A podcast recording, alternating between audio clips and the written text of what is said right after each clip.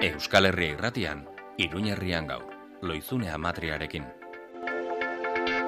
Eguerdi honentzule Iruñerrian gaur albiste da pandemiak krisi ekonomiko eta sozial latza ekarriko zuela iragarri genuen, baina Ukrainako gerraren suspertzeak aurre ikuspentsar horiek gainditu ditu krisi ekonomiko bat bizitzen ari gara eta nabaritzen. Dagoeneko prezioak igo dira, erregaienak, argindarrarena, lehen gaienak eta pentsatzeko azen bezala bata bestearen atzetik iristen ari dira protestarako deiak.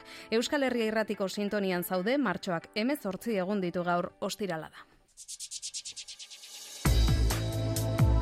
UGT Komisiones Obreras Fakua, auzo elkarten konfederazioa, autonomoen batasuna eta profesionalen eta langile autonomoen batasuna elkarteek elkarretaratzera deitu dute martxoaren hogeita irurako, datorren asteazkenerako arratsaldeko zazpietan iruñeko merinda desplazan prezioak mantendu enplegua babestu lelopean eginen ditu.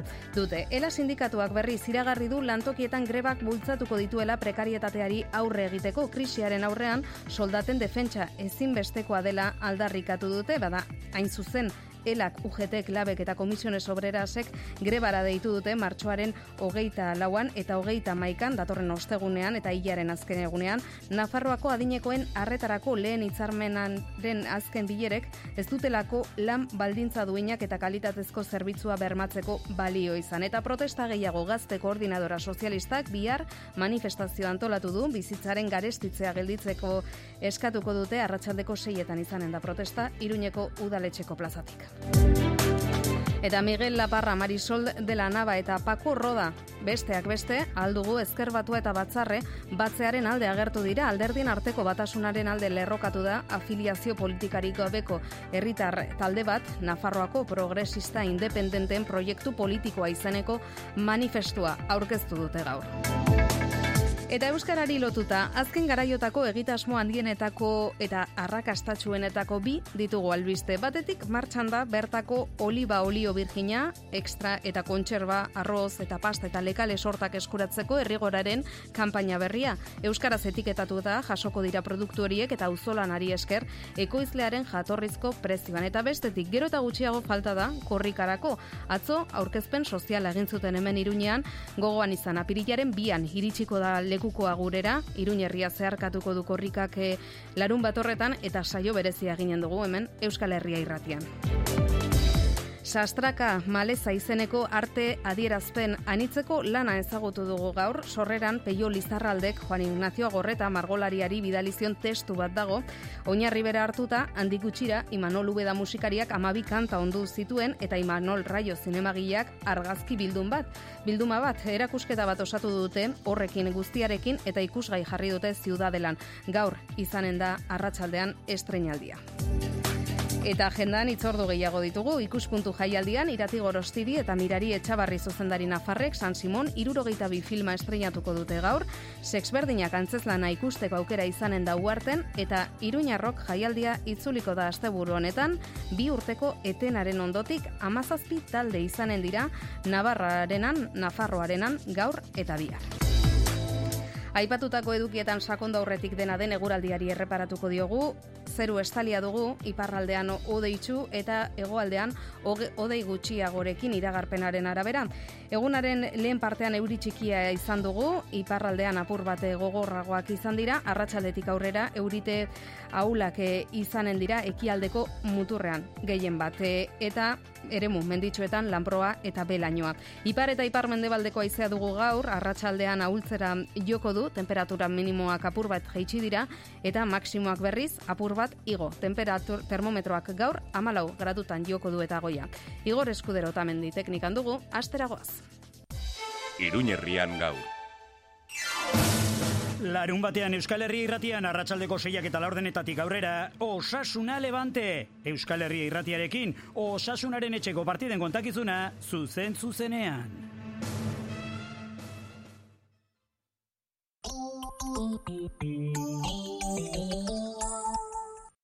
Arro nago, erosten dudana eta jaten dudana hemen Eta hemen, jaso dela jakiteaz arro. Eurionetaz eta zelai hauetaz arro. Bertakoa, jatorria, freskotasuna. Kalitatea erosteaz arro. Nire nortasunaz eta jatorriaz arro nago. Bertakoa izateaz arro zaude, erosi bertakoa. Kaiku, Euskal Herrian jaso eta ontziratzen den esne bakarra. Orain zerbitzu berria, telemedikuntza teknologiarik aurreratuena zure eskura. Erretinaren patologiak prebenitzeko begia aztertzen dugu, baina orain begininia dilatatzeko tanten beharri gabe, azterketa pertsonalizatua. Optika Iruña, Aiozko Monasterioa lau, Donibane auzoan eta optikairuna.com webgunean. Errigora, asmondiak eta oinak lurrean ditugu. Zatoz eta segi dezagun beste konsumo eta ekoizpen eredu bat gauzatzen. Auzolanean eta euskaraz. Nafarroa erdi eta hegoaldeko baratzetako produktuak Euskal Herriko plazetan ditugu berriro. Bete despensa urte osorako oliba olioa, kontserbak lekaleak, arroza, pasta. Informazioa eta eskaerak errigora.eus webgunean martxoaren hogeita marrera arte.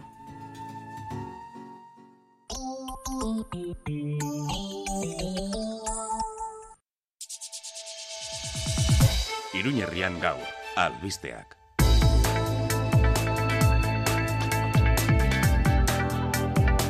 Iruñerrian gaur albiste dena eta izanen dena errepasatuko dugu jarraian Euskal Herria irratian, pandemiak, sindemiak, krisi ekonomiko eta sozial latza ekarriko zuela, iragarri genuen, baina Ukrainako gerraren suspertzeak aurre ikuspen txar horiek gain ditu. Ditu, krisi ekonomiko bat bizitzen ari gara eta nabaritzen. Dagoeneko prezioak e, igo dira eta erregaienak, argindarrarena, lehen gaienak, eta pentsatzeko zen bezala, bata bestearen atzetik ari dira protestarako deiak iristen. Lehenengoak hemen Nafarroan protesta egiten garraiolariak izan dira, hiru sindikatuak deituta gaur bosgarren greba eguna dute, eta horrek eh, ondorioak eh, izan ditu, produktuen, hainbat produktuen prezioak esaterako igo dira.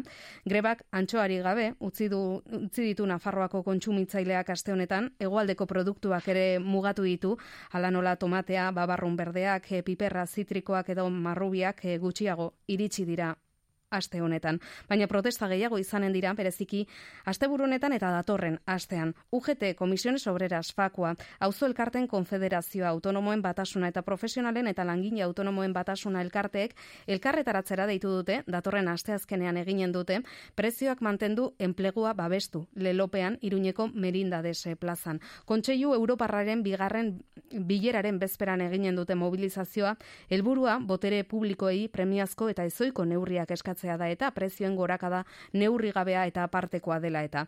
Jesus Santos, Nafarroako UGTko idazkari nagusia da.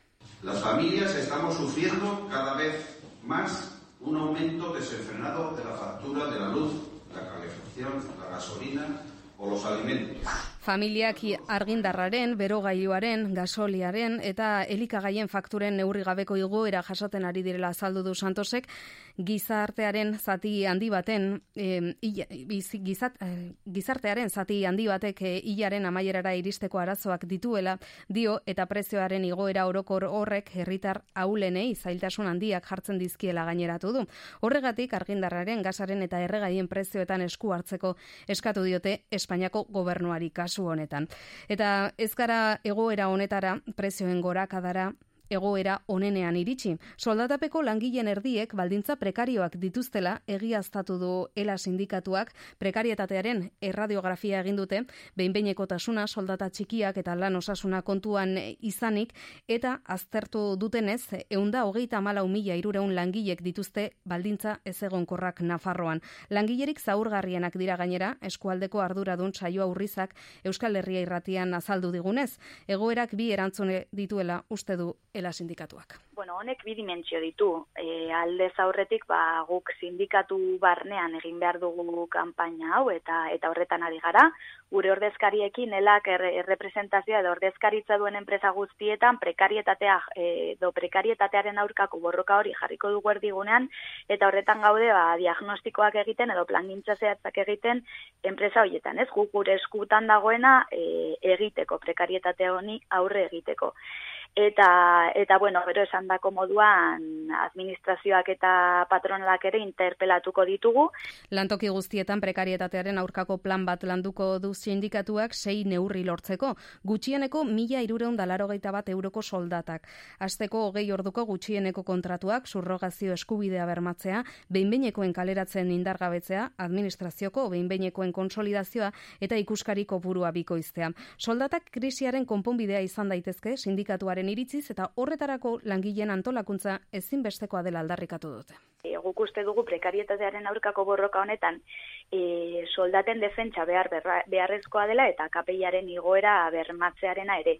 Eta horretarako, bai, ba, e, azken hilabetetan agrozumos, torres papel, tasubintzan, orain bertan General Mills, ISN e, Volkswageneko azpi kontrata batean gaude greban, eta bueno, horretan gaude, uste dugu langileak antolatzea eta grebara joateko, e, joatea behar beharrezkoa dugula, eta horretarako ere gure resistentzia gutxaren e, laguntza, ba, beharrezkoa iruditzen zaigu. Bada gaur jakin dugu beste bi greba egun izanen direla hemen Nafarroan Nafarroako adinekoen harretarako hitzarmenaren negoziazioan patronalaren blokeoagatik eta gobernuaren pasibotasunagatik. Elak, UGTek, Labek eta Komisiones Obrerasek grebara deitu dituzte berriro langileak martxoaren hogeita lauan eta hogeita maikan izanen dira lan uste horiek e, laugarrena eta bosgarrena izanen dira, beste hiru greba egin eh, izan dituztelako aurretik e, lan baldintza duinak eta kalitatezko zerbitzua bermatzeko lan hitzarmena nahi dute.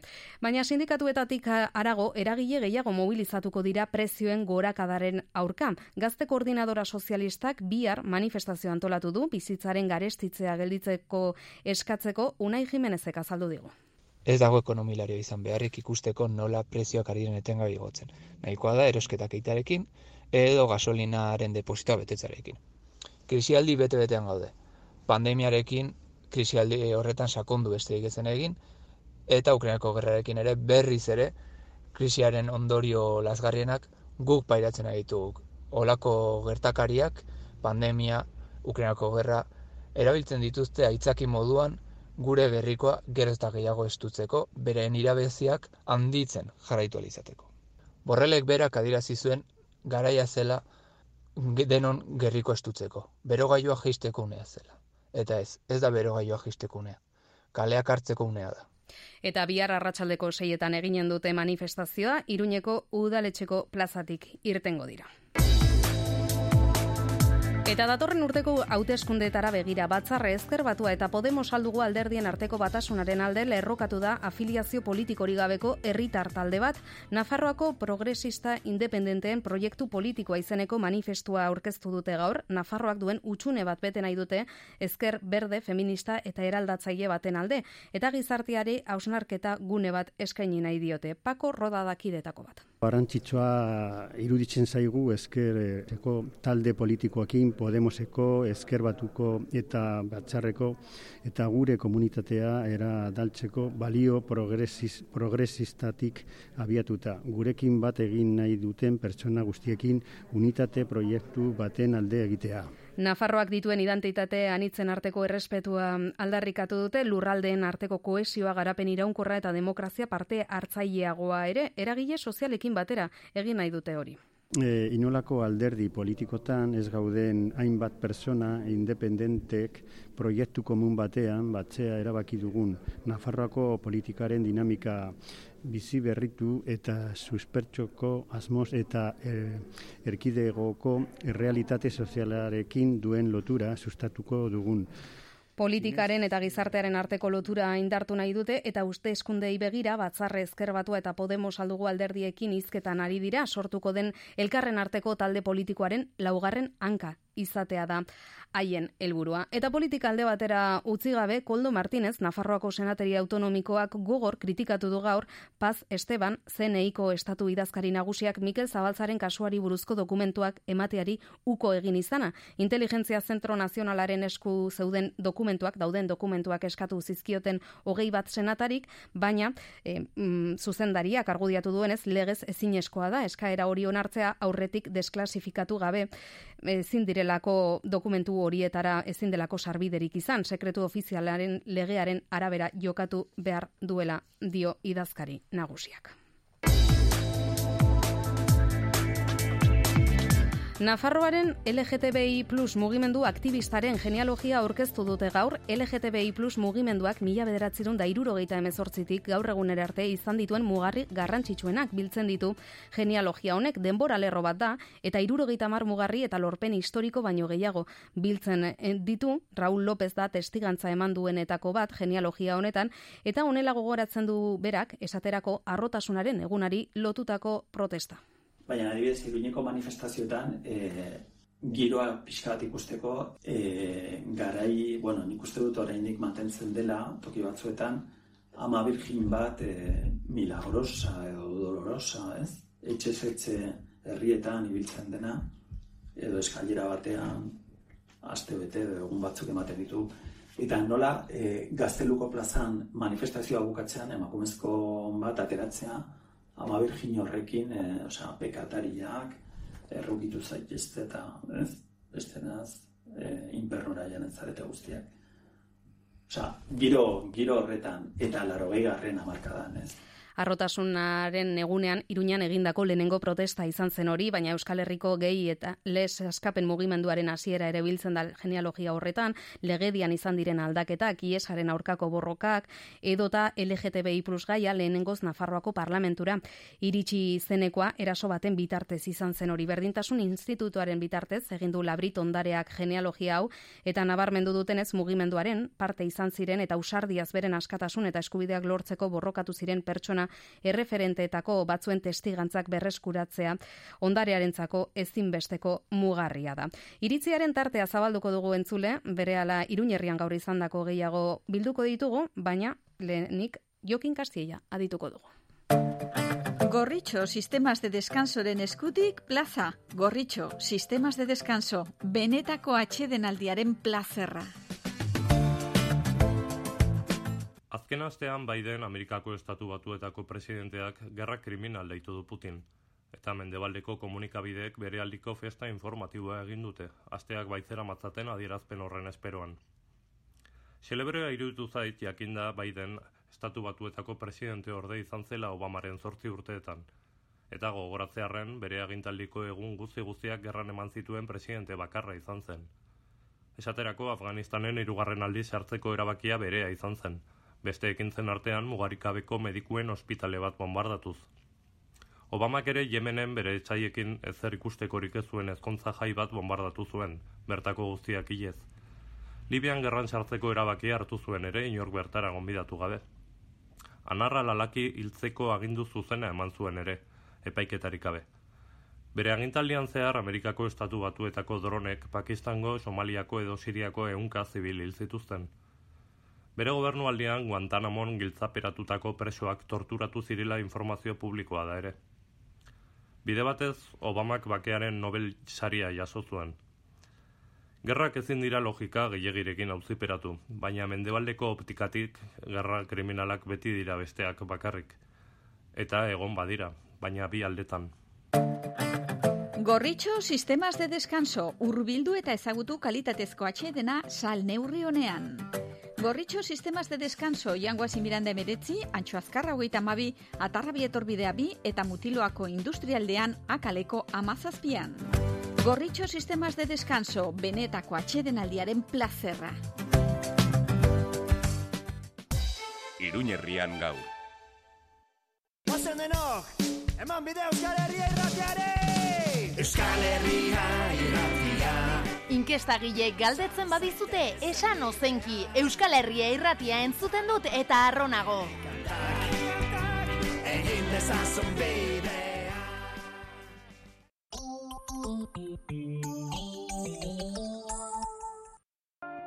Bianbi.com, bianbi.com, bianbi.com. Horrela entzuten da bian biren online denda berria. Bertan eraguztitako eskaintzak aurkituko dituzu zure enpresa oparirako, promoziorako, merchandisinerako, kirol ekipamenduetarako, lan jantzietarako. Bianbi.com, bianbi.com, bianbi.com. Sartu eta liuratu. Betiko tokian ere aurkituko gaituzu, mutiloako industrialdean. Carmen Kaleko herriko taberna, aste guztia irekia eskaintza paregabearekin.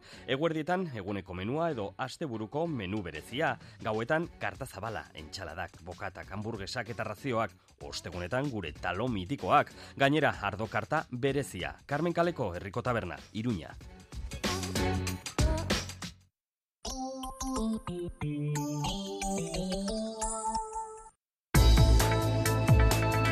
Errigorak kanpaina berria jarri doa bian, Nafar egoaldeko usta eskutik eskura. Martxoaren hogeita marrera arte izanen da zabalik, elikadura buru jabetza eta euskara bultzatzeko aukera. Juan Cruz Lakasta, eguerdion.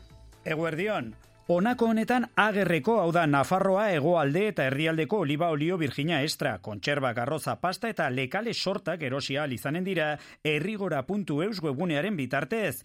Errigora gero arrakasta handiagoa edukitzen ari da. Horren ondorioz, poliki poliki, lur ere mugeiago irabazten ari dira nekazaritza ekologikoarentzat. Xantikiroga errigorako koordinatzaileetako bat da egon ginen ba, ronda egiten e, ekoizlekin, eta batzuei planteatu diegula ezinbestean, adibidez piper ekologikoetan, urratzak eman behar ditugula, eta berdin potxa ekologikoetan, zen eskaira handia dago.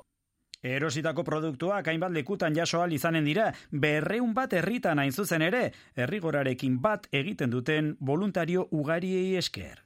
Hori da gure altxorra e, hori guztia koordinatzen zazpilagun gaude, baina aipatu dugu berregun irureun bat e, banaketa gune, horrek nahi du, gure inguruan daukagula mila gorat voluntario lanean, musutruk, eta gainera e, bitartekaritza espekulatiboak egiten duen hori, ba, musutruk egiten Euskararen alde eta elikadura burjabetzaren alde. Izan ere, errigoraren bitartez, kontsumitzeko era aldatzeko bide bat bultzatzen ari da, bertako ekoizlearen eta bertako kontsumitzailearen artean gain kostuak saiestuz eta alaber, lorturiko etekinekin, sortzen, ikastolak eta AEK lagunduz. Ezaztu, eskaerak egiteko aukera hilaren hogeita marrera arte da zabalik, errigora.eus webunean. Bada ekari lotu da, bi aste besterik ez da falta, hogeita bigarren kurrik abiatzeko, eta atzo iruñan, Nafarroako antzerki eskolan egin zuten horren aurkezpen soziala.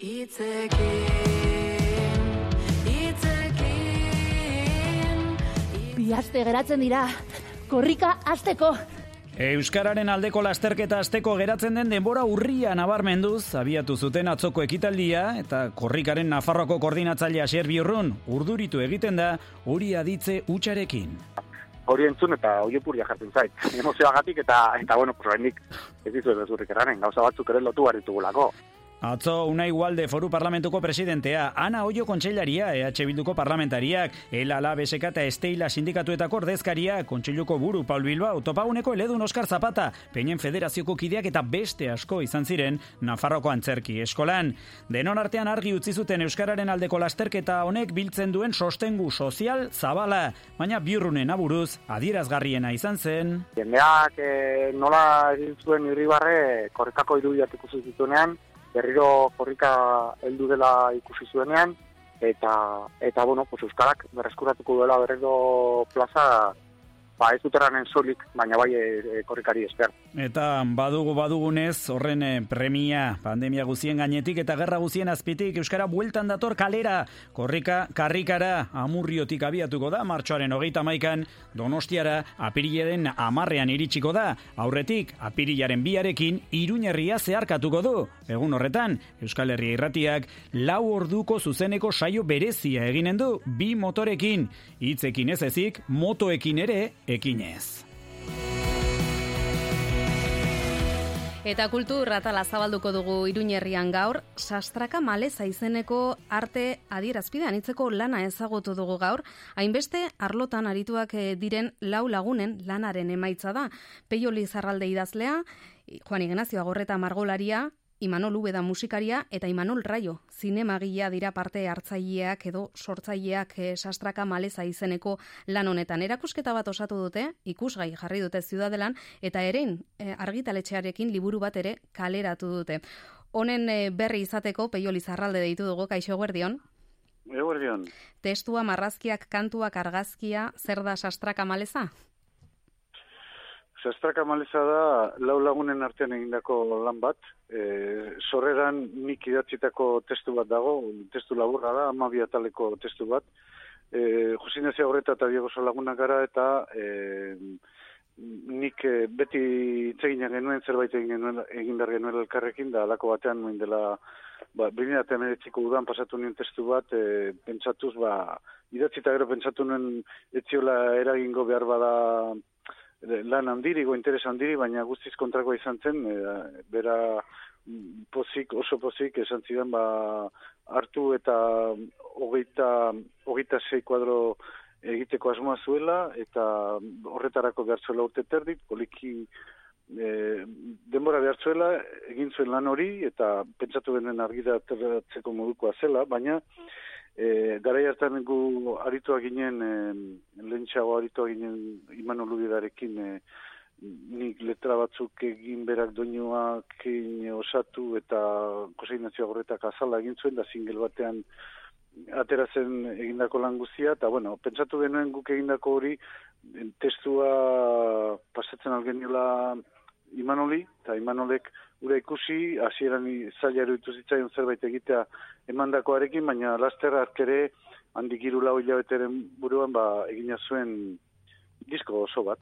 Eta bukatzeko, ba, e, Imanol Raio egun batean estudioti pasatu zen, ikusi gen, zuen zer egiten ari ginen, eta ark ere esan zuen, ba, testua pasatzeko, eta behar bada zerbait egingo zuela, eta alaxe gertatu zen, orduan lau lagunen artean egindakoa da. E, itz gutxitan esateko, ba, bidai bat e, azaltzen da, sastrakan, e, ezinezko bidai bat, nola baita esateko, ze beti horritzapenek eragindako bidaiak izaten dira oso bidai zapuztua izaten da askotan, askotan e, uste duzu iraganekoa e, oraingoa baino hobea dela. Eta gero bidai hori egiten duzunean konturatzen zara behar bada ba mm, etzuela merezi izan ere ba agertzen dena izaten baita ba bueno mamua eta iraganeko nola esateko e, itzalak baina ez da izaten zuk e, aurretik e, uste zen den hori hori da esan nuke nik hitz gutxitan sastrakan mundian dagoena. Gaur aurkeztuko duzue, arratsaldean e, ziudadelan ezarri duzuen erakusketa zabalduko duzue, mm. eta gainera kontzertu batekin. Bai, zazpietan izango da kontzertua, han ikusi izango dituzue bai pinturak, haien ondoan testuak, eta mm, Imanol Raioren argazkiak, eta haiekin batera berak eh, argazkiei e, jarri dizken soinuak, eta kontzertua zazpietan e, Imanol Lubedak donin horreztaldearekin ba, diskoan eta libruarekin batera ateraren disko hori osoa ikusi entzun izango da ziudadenan, bai. Bada hortxe dugu gaur arratsalderako proposamen biziki interesgarri bat, Peio Lizarralde eskerrik asko gure deiari erantzuteagatik. Zuei, baina agendan baditugu itzordu gehiago musikari lotuta beste bat e, Nafarroa arenan izanen dena eta gainera faltan botatzen genuena. Reyes Elintxeta. Iruña Rock jaialdia itzuliko da asteburu honetan bi urteko etenaldiaren ondoren. Amazazpi talde egonen dira Navarrarenan ostiral eta larun batean. Haino arano, Iruña Rockeko kideak esan digu ze talde izanen diren hoiek. Ba, bi egunetan zehar izango dira kontzertuak, amazazpi guztira, E, eta banatu dira, bueno, bi egunetan, egia da gian ostiralekoa dugula pizka bat rokeroagoa, ez da? E, bertan izango ditugu, bueno, Mos, Zutagar, Lendakariz Muertos, Desakato, Tropado Karaio, Segismundo Toxikomano, eta baitare, e, txeko batzuk, Begilti Brigade. Oraindik eguneko sarrerak eta abonamenduak daude eskuragarri, hogeita mazazpi euroan egun baterako, eta irurogeita bost euroren truke bi egunetarako.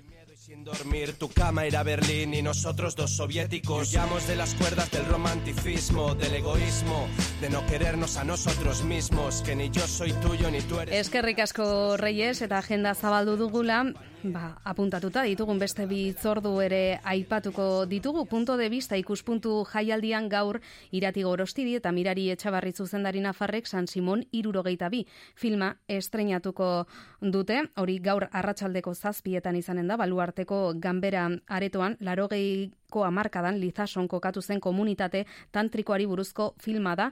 X Films e, iazko proiektua irabazizuel film saiakera honek e, sari hori irabazizuen. Eta uarten berriz, sexberdinak izeneko antzeslana ikusteko aukera izanen da gaur. Eta proposamen hauekin, gure despedida, eskerrik asko entzule.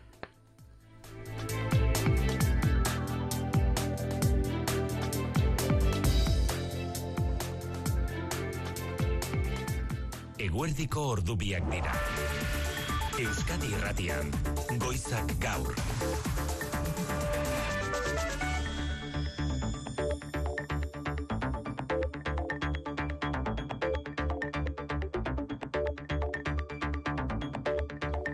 Arratsaldeon guztioi